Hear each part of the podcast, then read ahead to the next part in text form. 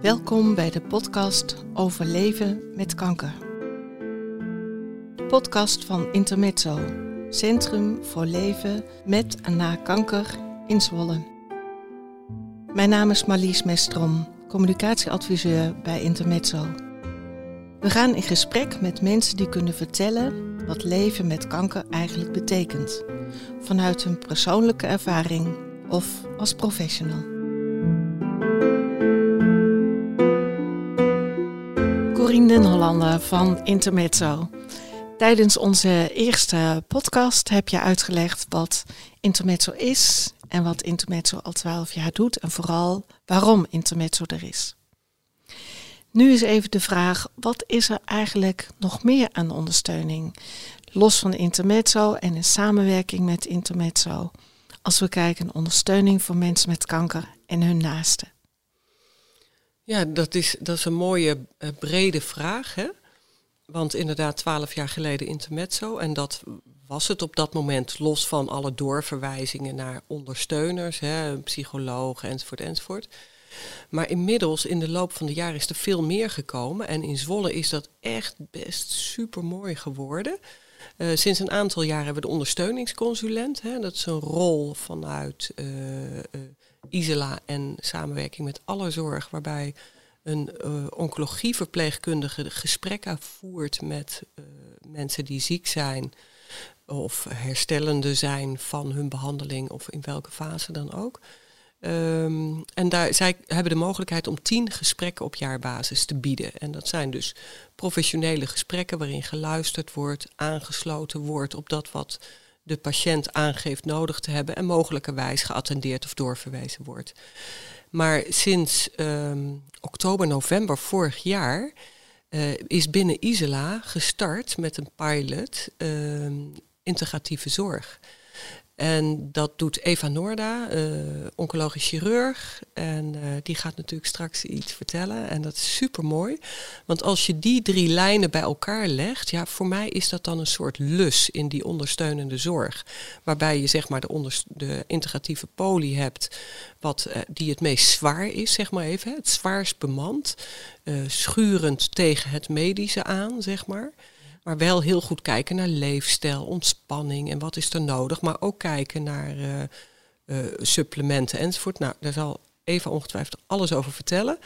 Dan heb je de ondersteuningsconsulenten, die dus tien gesprekken mogen voeren van een uur, vijf kwartier uh, op jaarbasis. En die dus echt heel ondersteunend en, en helpend kunnen zijn gedurende het proces waarmee je te maken hebt. En dan heb je intermezzo, waar dus ook laagdrempelig gebruik van kan worden gemaakt. Mensen ook gesprekken kunnen voeren met ons team, maar ook allerlei activiteiten kunnen doen waar we het over hebben gehad. En als je die drie dan bij elkaar pakt, dan heb je eigenlijk het totaalplaatje. En dat is geweldig. Ik durf bijna te beweren dat in dit totaalplaatje wij hier in Zwolle koploper in Nederland zijn. Dat is heel mooi, vooral voor de oncologische patiënten en hun naasten en ook nabestaanden, waar wij ook ondersteuning aanbieden vanuit Intermezzo. Ja. Ook fijn is dat de ondersteuningsconsulent kantoor kan houden bij Intermezzo, zodat de lijnen echt letterlijk heel kort zijn. En in de podcast met Eva Noorda legt zij uit wat integratieve zorg is, zoals in de pilot bij Isela. En in een volgende podcast legt een van de ondersteuningsconsulenten uit wat haar rol is.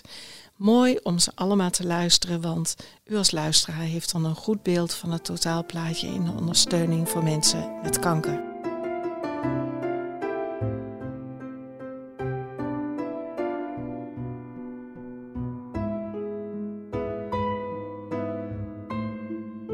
Vandaag is aangeschoven aan ons microfoon Eva Noorda. Welkom Eva. Dankjewel. Je bent afkomstig uit de Isla-klinieken, vlakbij ons, vanuit het Oncologisch Centrum. En daar doe jij van alles. Fijn als je jezelf verder voorstelt en ons uitlegt wat jouw rol en je functie zijn. -hmm. Ja, um, mijn naam is Eva Noorda. Ik ben uh, chirurg-oncoloog. Nu sinds elf jaar. En daarvoor natuurlijk de opleiding daarvoor gedaan. Dus al wel heel veel jaren onderweg. En ehm, in Isela werk ik ook als chirurg-oncoloog. Uh, daarnaast zijn we sinds twee jaar bezig met uh, een nieuwe invulling of aanvulling eigenlijk aan het concept nazorg vormgeven. En dat heet integratieve zorg. En daar speel ik ook een rol in. Dat klinkt heel interessant. Um, wij weten dat het ook integratieve poli wordt genoemd. Mm -hmm. Het is mooi als je ons kunt uitleggen wat dat betekent en ook waarom die er is. Maar laten we bij het wat beginnen. Wat is een integratieve poli met integratieve zorg? Mm, ja. Ja, integratieve zorg betekent zorg waarin er uh, kennis en aandacht is voor leefstijl en complementaire zorg. Uh, en de complementaire zorg vanuit het ziekenhuis waar we het over hebben, is dan vooral de complementaire zorg waar inmiddels voldoende wetenschappelijk bewijs voor is. En dan kun je bijvoorbeeld denken aan het effect van massage of uh, acupunctuur op bepaalde klachten. Um, dus dat, daar, daar gaat het dan over. En waarom we daarmee begonnen zijn, is omdat uh, ik ook in mijn praktijk als chirurg-oncoloog uh, merk dat mensen die kanker hebben gehad, uh, een groot deel van hen kampt met chronische klachten daarna.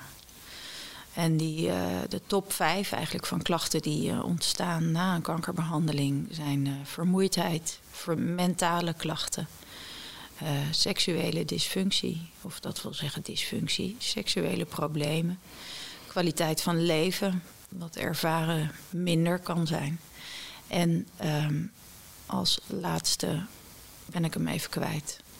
Je noemde de top 5, maar die ja. top 4 klinkt al best heftig. Heel. Als je het zo noemt. Ja. Ook heel herkenbaar, want uh, dat zijn ook de onderwerpen waar mensen vaak bij intermezzo mee komen. Precies. Dat ze daarop vastlopen. Dus dat is heel mooi dat we ja, in dezelfde richting ook uh, denken en ook merken waar de behoefte ligt Zeker. die mensen hebben. Ja. En, ja, nou ja, ik denk een andere aanvulling is. Want kijk, Intermezzo is hier natuurlijk uh, al, al, een tijd geleden mee begonnen om hier een plek voor te creëren. Waar er hier over gesproken kan worden, waar hier aandacht over kan zijn. En dat is ontzettend waardevol. Uh, de stap naar deze integratieve spreekuur in het ziekenhuis is gezet, omdat er daarmee toch ook direct aansluitend aan de zorg meer aandacht en bewustzijn voor is. En uh, het ook waarde heeft om dat als betrokken zorgprofessionals te kunnen benoemen aan patiënten. Datgene wat echt van waarde kan zijn. Um, en dat, uh, ik hoop dat daarmee ook de samenwerking tussen intermezzo en ziekenhuis misschien nog wel weer in, nog intensiever kan zijn. Dat zou heel mooi zijn. Ja. En stel dat ik patiënt ben bij jou mm -hmm. uh, en die vraagstukken doen zich voor in mijn leven. Hoe ontdek jij als dokter dat het leeft? Vragen jullie actief of hoe gaat dat?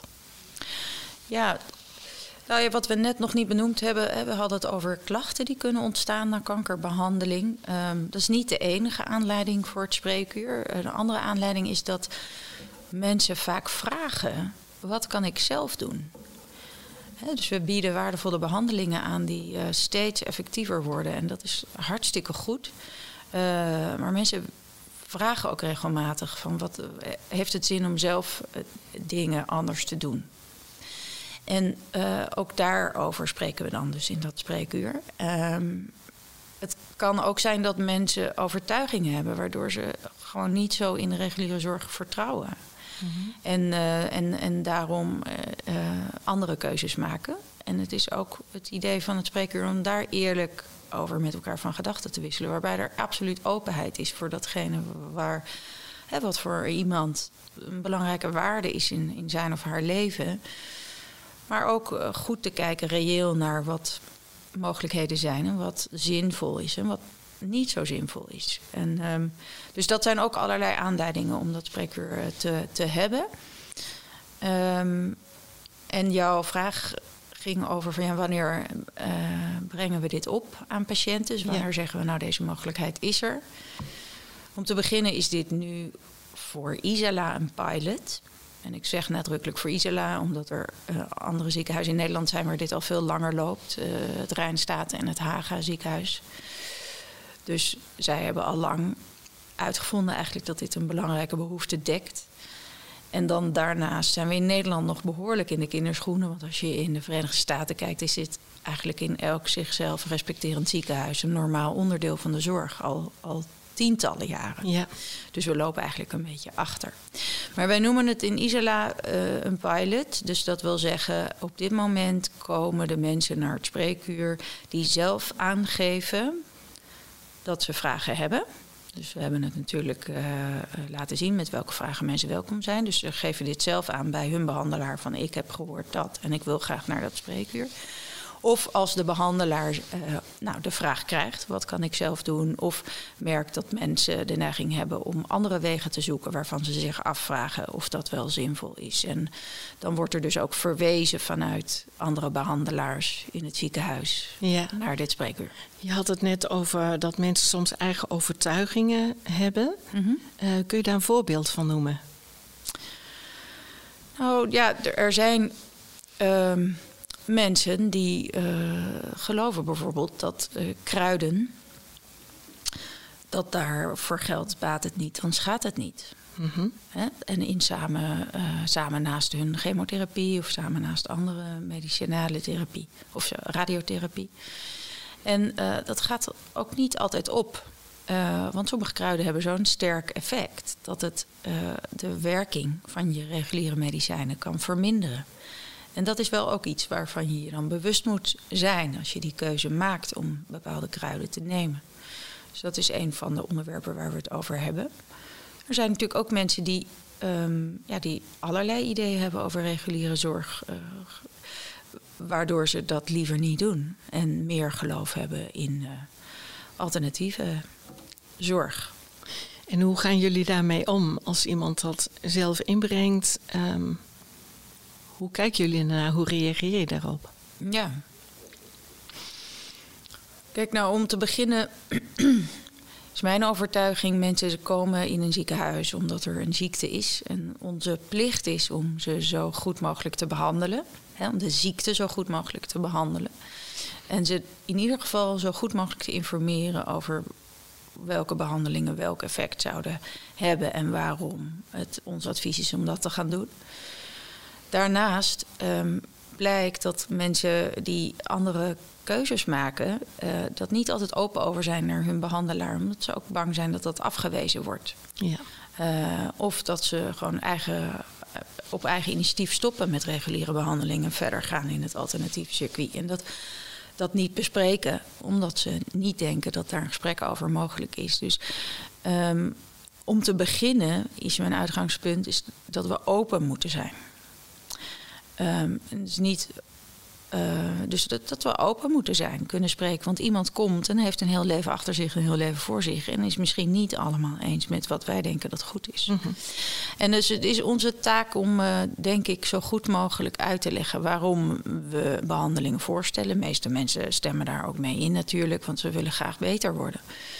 Um, maar dat we ook met alle kennis die er wel is over mogelijke behandelingen vanuit het alternatieve circuit of vanuit complementaire zorg. Dat we ook die kennis uh, dat we die hebben, zodat we ook kunnen zeggen: oké, okay, massage is in dit geval ja, bewezen zinvol. Maar acupunctuur voor deze klacht misschien niet. Mm. En uh, dat we het daarover kunnen hebben en dat we ook iemand kunnen uitleggen waarom dat volgens de huidige stand van wetenschap zo is. Zodat iemand goed geïnformeerd daar een keuze over kan maken. Ja, dat is uh, helder wat je vertelt. Is er ook een aanleiding geweest, heel specifiek, dat die knop heeft doen omzetten om te denken: een integratieve spreekuur, integratief spreekuur, is eigenlijk heel goed dat we dat uh, gaan doen. Wat, wat heeft dat getriggerd? Misschien bij jou persoonlijk of met je collega's? Ik heb voor mijzelf uh, geldt dat in de jaren dat ik nu uh, werk als, als chirurg-oncoloog, dat ik, dat ik die vraag krijg. Mm -hmm. Hè? Wat, wat kan ik zelf doen? Dat ik die regelmatig kreeg en eigenlijk merkte dat ik dan een vrij algemeen antwoord gaf. Iets van gezond leven. Heel algemeen. Heel algemeen. En uh, ja, wat dat dan precies inhoudt, ja, ja, dat mag je dan raden. Je kan de schijf van vijf. Of, hè, maar dat vullen mensen op allerlei manieren in. En ik voelde me daar niet prettig bij zelf. Want ik dacht, ja, ik, ik zou specifiekere adviezen moeten kunnen geven. En ook mensen moeten kunnen helpen om goede keuzes te maken, zodat ze niet dingen gaan doen die niet bewezen zinvol zijn, wat mhm. misschien wel veel geld kost of veel energie kost. Dus um, daar voelde ik mij persoonlijk niet lekker bij. Toen ben ik gaan zoeken naar wat is er op dit gebied, wat kunnen wij als, als reguliere zorgverleners hiermee. En uh, toen kwam ik op het spoor van de integratieve zorg in de Verenigde Staten. En dat er dus al heel veel ervaring mee is. En mhm. ook behoorlijk veel wetenschappelijk uh, onderzoek gedaan is naar verschillende uh, ja, complementaire zorgvormen. Dus dat, en dat er ook richtlijnen zijn. Dus dat, dat heeft mij geïnspireerd om, om die bal, om het maar zo eens te zeggen, op te gooien in Isela. Uh, om daar ook vanuit de zorg zelf een initiatief in te nemen. Ik kan me voorstellen, het is een beetje out of the box. Voor Amerika al common use, maar voor uh, Nederland in ieder geval nog een beetje out of the box. Hoe kijken jouw collega-dokters daarnaar in de, in de islam, maar ook de eerste lijn? Heb je daar een idee van? Hmm. Ja, dat is, dat is wisselend. Er is, uh, er is nog een, uh, een deel van de zorgverleners die, die overtuigd is van het feit dat wij er zijn om ziektes te behandelen en dat we er niet per se zijn om welzijn te bevorderen. Terwijl, um, en, en die reacties krijg je dus ook. Van, hè, uh, maar uh, als je kijkt naar de eet die we hebben afgelegd, wordt daar letterlijk ook in gezegd: uh, ja, we zijn er absoluut om ziektes te bestrijden, maar we zijn er ook om gezondheid te bevorderen. En, en um, ja, daar hoort nog iets in die, in die zin, in die strekking. En um, dus ik denk dat het een dat het is het goed recht van ieder om zijn of haar vak daarin uh, zo uit te oefenen als je wil. Maar ik denk dat wij wel degelijk een rol hebben in het bevorderen van gezondheid. Dan is er natuurlijk, kan er twijfel zijn over, ja, uh, kunnen we gezondheid werkelijk beïnvloeden door leefstijl? Of kunnen wij hè, eh, zijn er complementaire methoden überhaupt die zin hebben? Hè, dat, dat soort kritische vragen kan je stellen. En daarom is het zo mooi om nu steeds meer overzicht te krijgen over het wetenschappelijk bewijs dat er wel degelijk is. Mm -hmm. En dat dat dus echt breder is dan je zou denken, misschien, hè? vanuit een kritische houding. Nou, wat ik zelf heb gemerkt, dus ik was natuurlijk ook best uh, in het begin voorzichtig, om gewoon eerst eens even te kijken van is er, is er hier voldoende, uh, ja, is er vanuit de zorg voldoende openheid om zo'n initiatief te omarmen. En het mooie is dat ik heb gemerkt dat eigenlijk het grootste deel van de mensen, collega's die hierover hoort en ook snapt hoe je daar tegenaan kijkt, hier helemaal voor is. Dus er zijn wel wat critici. En uh, sommige critici zul je misschien niet direct horen, dus die zullen er ook zijn. Maar het grootste deel van de zorgverleners die, uh, met wie ik hierover gesproken heb tot nu toe, en dat zijn er steeds meer, steeds meer ja, is hier heel positief over. Omdat iedereen zich herkent in die situatie waarin iemand je vraagt: wat kan ik zelf doen? En je daar eigenlijk geen goed antwoord op hebt. En iedereen zich herkent in die situaties dat patiënten de zorg verlaten en complementaire circuit ingaan.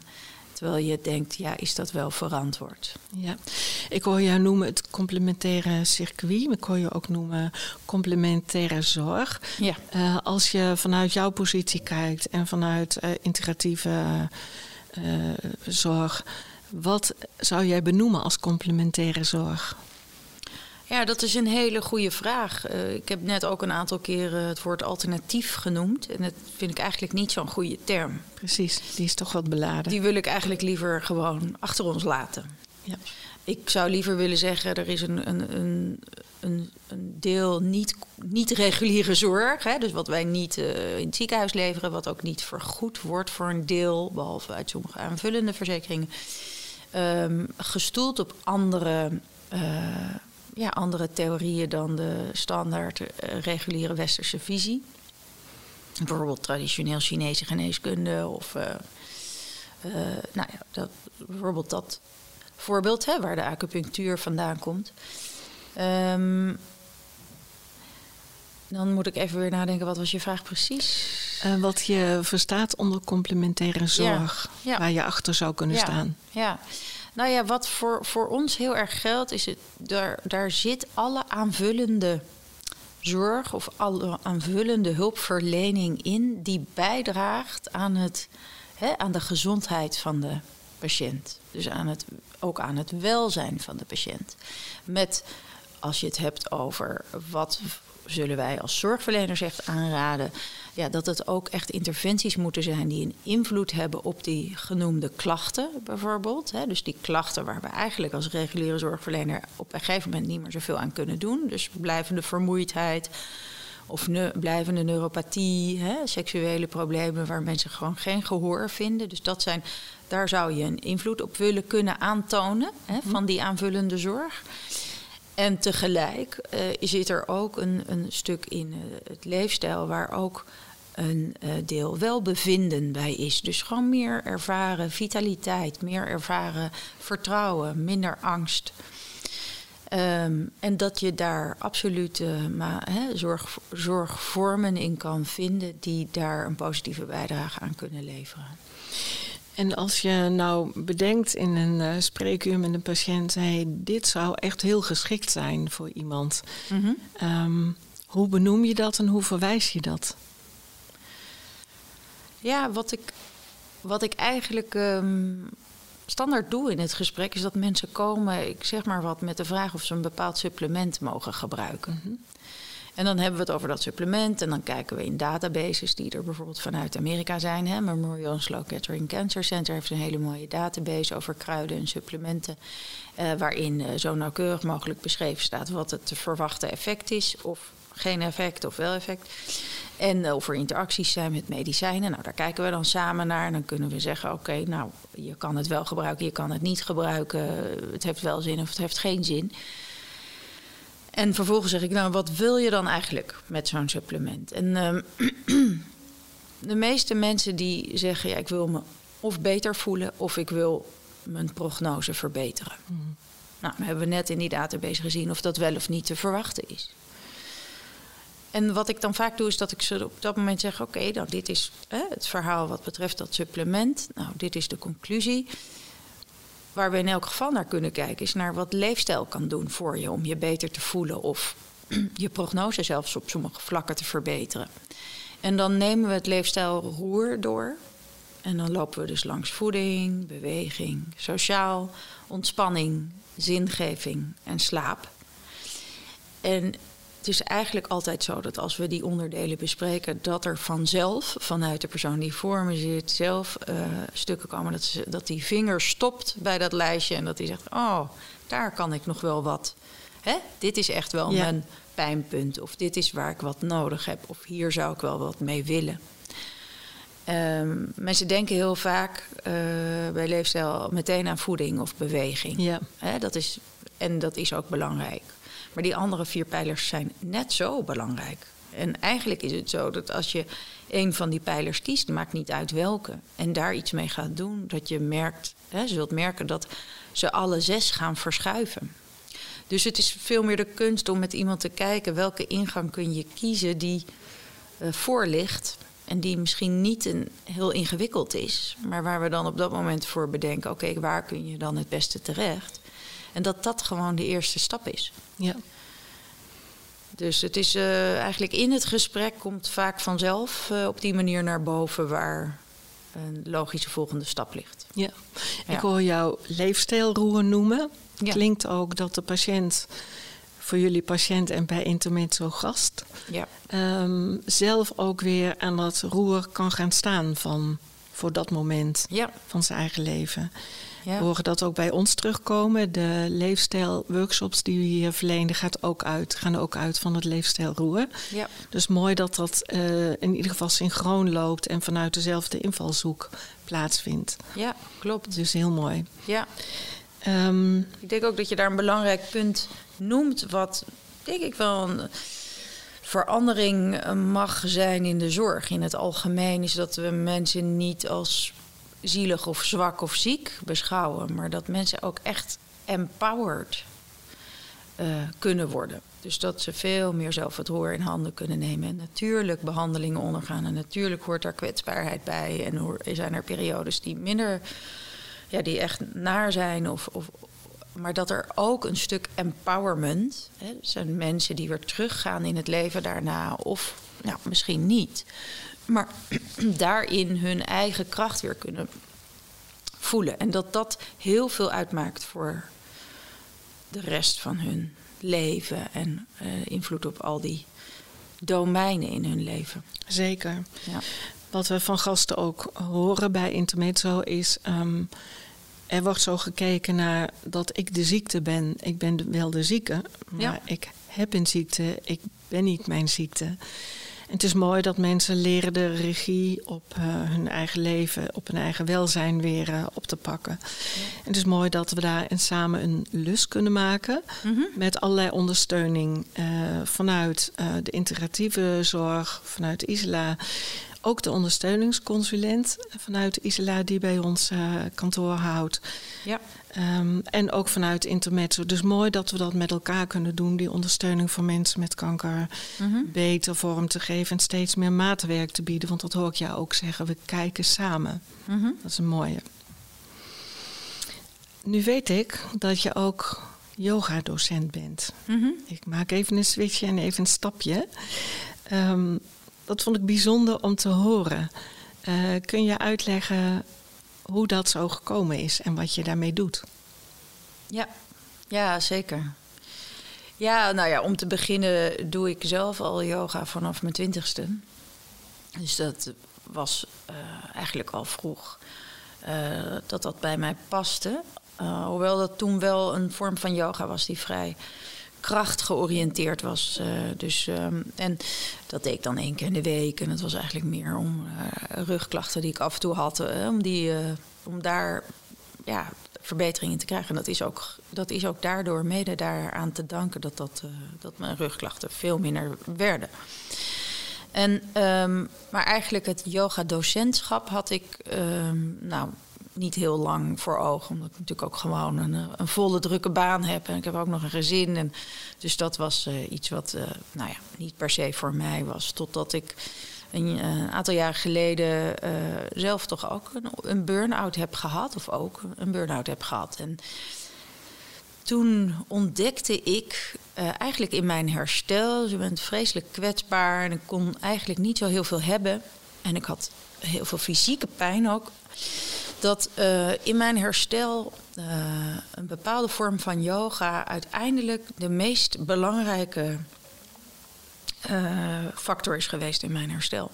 Dus naast alle fysiotherapie en allerlei zaken die er aangeboden werden vanuit regulier opzicht, was het eigenlijk pas toen ik yin yoga ging doen ja. dat ik ging herstellen.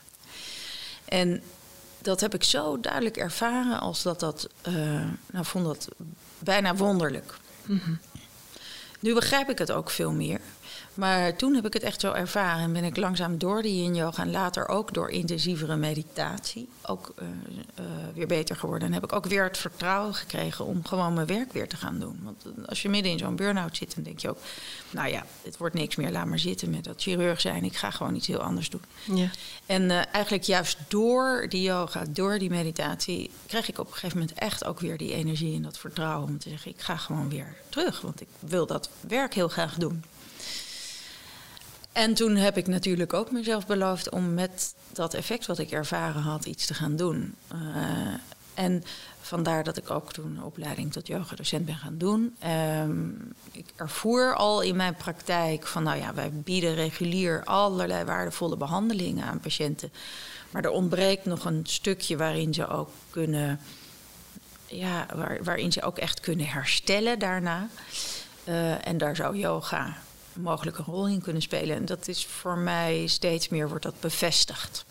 Niet dat dat de enige weg voor iedereen is, hè. laat ik daar duidelijk over zijn. Ik denk dat er ontzettend veel mogelijkheden zijn om goed te herstellen. En het gaat er vooral om dat dat een manier is die goed bij je past. En ook bij je levensovertuiging past. En waar je je fijn bij voelt. Wat ook vol te houden is. En voor sommigen kan dat yoga zijn. Ja. ja.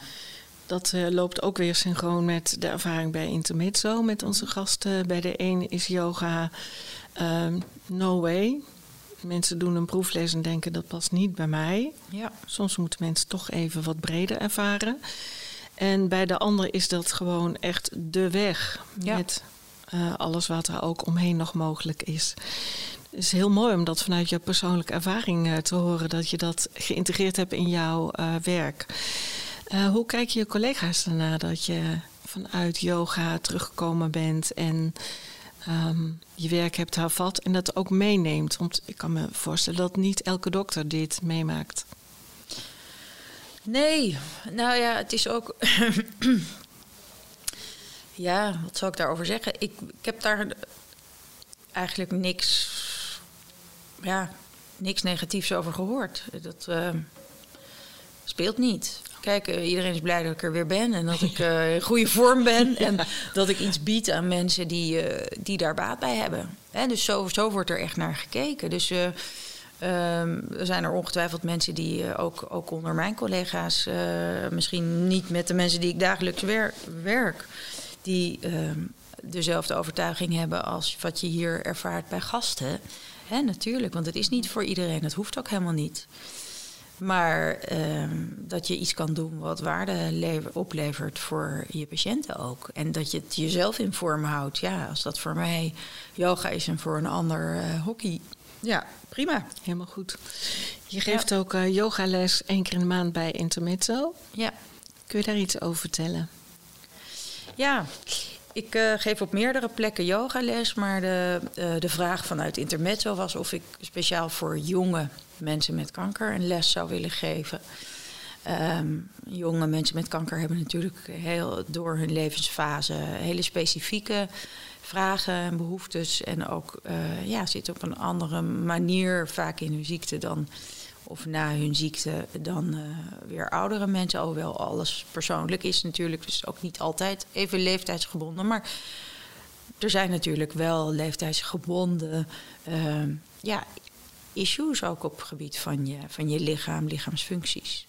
En um, dus dat, uh, die, die uitnodiging heb ik aangenomen hè, om dat te doen. Dus we hebben één keer in de maand een les voor een klein groepje jonge mensen met kanker of na kanker. Uh, die, uh, die weer aan hun herstel willen werken. Ja, ja heel mooi. Ja. Um, het doel van de uitnodiging voor jou achter onze podcastmicrofoon uh, was de integratieve zorg, een integratieve poli. Je vertelde net, het is nog een pilot bij Isela. Um, hoe ver staan jullie in de pilot en hoe kijk je naar de toekomst daarin? Ja. Ja, het is door de, er, er is nu voor, de, voor het spreekuur een wachtlijst van zes weken. Nou, in Rijnstaat hebben ze een wachtlijst van vier maanden voor hun poli. Dus dat groeit gewoon uh, vanzelf. Je merkt ook aan het patiënttevredenheidsonderzoek wat we afnemen, of wat we mensen toesturen na hun poliebezoek, dat het uh, merendeel van de mensen heel blij is dat het er is. Dus uh, het lijkt een behoefte te dekken. En zo ziet ook nu de, uh, de, het oncologisch centrum het. Dus we, we doen de pilot, we zullen de resultaten daarvan bespreken. Maar uh, het, het gevoel is van, nou, dit gaat blijven. Mm -hmm. um, dan is wel een hele belangrijke vraag: hoe financier je dit? Want het is nog niet iets wat gefinancierd wordt vanuit de zorgverzekeraars. En daarover zijn we in gesprek op dit moment. Dus dat is, uh, het is nu een investering van Isela zelf uh, als service aan de patiënten. Um, maar voor de toekomst moet daar natuurlijk wel een, een structurele post voor komen. Nou, anders dan, uh, ja, kan het, is het natuurlijk niet haalbaar. Dat zou heel jammer zijn als dat niet lukt. Zeker. Ja. En daarin lopen de centra van, voor leven met en na kanker in Nederland, de 81 centra die er zijn, um, die lopen op dezelfde manier. Ja. Uh, ook daarvoor is geen structurele financiering, uh, afhankelijkheid van sponsoren en uh, andere ja, goede acties en goede mensen die daarin mm -hmm. willen investeren en ons willen steunen. Toch is dat bijzonder, want je bent ziek als je kanker hebt en de reguliere zorg is prima afgedekt. Ja. Ehm, en alles wat er voor de rest van je leven nog nodig is als je met de ziekte geconfronteerd wordt. Daar ligt toch een groot manco. Het is mooi dat de brancheorganisatie IPSO daarvoor onlangs is opgestaan, naar de Tweede Kamer is gegaan om daar um, rugbaarheid aan te geven en de noodzaak onder de aandacht te brengen. Het zou mooi zijn als we daar ook gezamenlijk in kunnen optrekken. Mhm. Om de integratieve zorg en de zorg zoals de centra die leveren en bieden, om daar wat meer aandacht voor te krijgen, maar ook een goede financiering en de mhm. erkenning. Want daar komt het natuurlijk wel op neer. Mhm. Ook mooi dat uh, jij er ook naar kijkt en jullie er naar kijken om daar wetenschappelijke stoeling voor te vinden. Mhm. Dat helpt ook altijd goed. Maar vooralsnog gaan we natuurlijk met elkaar verder zoals we dit doen. Um, je vertelde net, er is een wachtlijst bij jullie voor zes weken. Misschien goed om te melden dat er bij Intermezzo geen wachtlijst is. Mensen kunnen in elk geval altijd uh, binnenlopen voor een kopje koffie en om te kijken wat kan Intermezzo bieden aan steun. Mm Dat is um, natuurlijk wel anders dan een consult. Hè? Zeker anders. En tegelijk kunnen ze zeker en tegelijk, binnenlopen. Ja, dus en het kan natuurlijk absoluut aanvullend. Zeker, ja. het kan aanvullend en het kan ook um, tegelijkertijd ja, uh, lopen. Ja. Maar het is goed om te laten weten dat er geen wachtlijst bij ons is. Dat is uh, in ieder geval prettig. Mm. Um, als jij mag kiezen, als het nu helemaal fantastisch gaat lopen, mm -hmm. wat zou jouw grote wens zijn waar je over pakweg twee jaar staat met de integratieve zorg vanuit Isla? Mm -hmm. Ja, nou, wat ik, wat ik graag zou willen, is dat het integratieve spreekuur een regulier onderdeel wordt van de zorg. Dus dat we dat meer mensen kunnen bieden, dat er ook dus meer collega's zijn die een dergelijk spreekuur draaien. Um, en dat daar dus meer ruimte voor is. Maar ook dat er een basiskennis is bij collega's die niet uh, affiniteit hiermee hebben of niet zo'n heel spreekuur zouden willen draaien, maar dat er wel basiskennis is, zodat mhm. het ook meer herkend wordt en ook uh, niet meteen met een heel lang gesprek, maar gewoon uh, kort gezegd uh, goede adviezen kunnen worden gegeven op de vraag: wat kan ik zelf doen? Uh, dus dat dat er is, dat er ook openheid is, dat we daarover met elkaar ook open kunnen spreken, ook als men kritisch is. Um, zou ik iedereen willen uitnodigen daar open over te spreken met elkaar. Dus dat is wat ik hoop dat er over twee jaar meer nog is dan nu. Um, ik hoop ook, en dat geldt in het algemeen, dat er dus uh, vergoeding komt voor dergelijke consulten in de tweede lijn. Want uh, de trend is natuurlijk toch dat, uh, dat, dat er minder geld naar de ziekenhuiszorg moet gaan, omdat het te duur wordt. En dat is ook een hele reële zorg. Natuurlijk, de zorg wordt veel te duur. We kunnen dit niet altijd zo blijven volhouden. Dus je begrijpt ook de aarzelingen over vergoeding. Maar ik denk dat dit een vorm van zorg is die je wel zou moeten ondersteunen, omdat het uiteindelijk winst op zal leveren. He, minder andere zorg, mensen minder andere dingen gaan doen die niet zo zinvol zijn. Ja. Uh, dus dat je op een betere manier mensen kan gidsen en dus passende zorg kan leveren in plaats van dat mensen maar een beetje moeten zoeken. Dus uh, dat is wel mijn overtuiging. Dus ik hoop ook echt dat we over twee jaar op dat punt staan dat dat geformaliseerd is het leefstijlconsult in de tweede lijn. En dat we dan ook, want daar zijn we nu ook mee bezig. Hè, ik spreek mensen en wij uh, stellen vast nou ja, wat een passend eerste stap zou kunnen zijn. En dan gaan we uh, op zoek naar iemand die daar iemand bij kan helpen. Een leefstijlcoach of een, kan ook een psycholoog zijn of een andere vorm van coaching, een diëtiste. Het kan van alles zijn of acupuncturist voor bepaalde klachten. We zijn dus nu bezig met ons verwijsnetwerk in de regio uh, goed in kaart te brengen. Omdat het ook zo moet zijn dat ze terechtkomen bij iemand die betrouwbaar is. En die uh, nou, bijvoorbeeld aangesloten is bij een beroepsvereniging, klachtenprocedure heeft, die wetenschappelijk op de hoogte is van de, van de kennis in zijn of haar vakgebied. Al die dingen. En, en dat is belangrijk, dat dat verwijsnetwerk ook goed is. Dat je mensen ook ergens onderbrengt waar ze ook vervolgens de zorg krijgen die kwalitatief goed is en veilig is. Dus ook dat is nog wel wat werk. Zeker. En, uh, en dat, dat, ik hoop dus ook echt dat over twee jaar dat we dat ook goed hebben staan. Dus het is meer dan dat. Uh, daarnaast uh, denk ik het belang van wetenschappelijk onderzoek is groot. dus we, we, we, zijn ook bezig met het uh, bedenken van projecten waarin we zelf kunnen bijdragen aan meer beter kennis op dit gebied. En dat is toch door het doen van wetenschappelijk onderzoek. En uh, zijn ook op landelijk niveau ben ik bezig op dit onderwerp. Um, en hoop ik dat er steeds meer ziekenhuizen zijn die dit op een goede manier weten vorm te geven, zodat het steeds normaler wordt dat dit beschikbaar is. Uh, dus dat hoop ik echt dat dat over twee jaar weer een heel stuk verder is. Ik moet zeggen dat ik daar ook wel vertrouwen in heb eigenlijk. Als ik zie hoe de wind waait.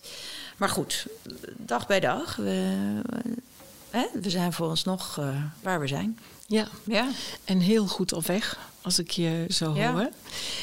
Um, zijn er nog onderwerpen waarvan je denkt, hé, hey, dat had ik graag willen benoemen, maar die wij voor dit gesprek nog niet aan de orde hebben gehad? Nou ja, ik denk de complimenten voor Intermezzo en de rol die Intermezzo al jaren speelt voor, voor patiënten. Hè? Dus om, om de, juist dat stukje te willen vormgeven voor patiënten wat er miste. Um, uh, dus dat, dat wil ik absoluut gezegd hebben. En wat, wat mij betreft is uh, die samenwerking ook iets waar we mee verder moeten gaan. Intermezzo is voor een deel ook een belangrijke plek om een patiënten heen te verwijzen, om het zo te zeggen. Omdat we samen hè, identificeren dat dat eigenlijk de beste plek op dat moment voor iemand is. Met de beste interventies. Um, en uh, dat is, uh, daar ben ik uh, vanuit Isla weer heel dankbaar voor. Hè? Dus dat dat er is. Dat is heel bijzonder.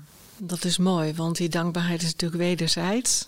En waar we allemaal naar streven is de beste kwaliteit van leven voor mensen met en na kanker. Mm -hmm. Dus die gezamenlijkheid, dat is mooi dat we die ook steeds in het oog houden hierin. Ja.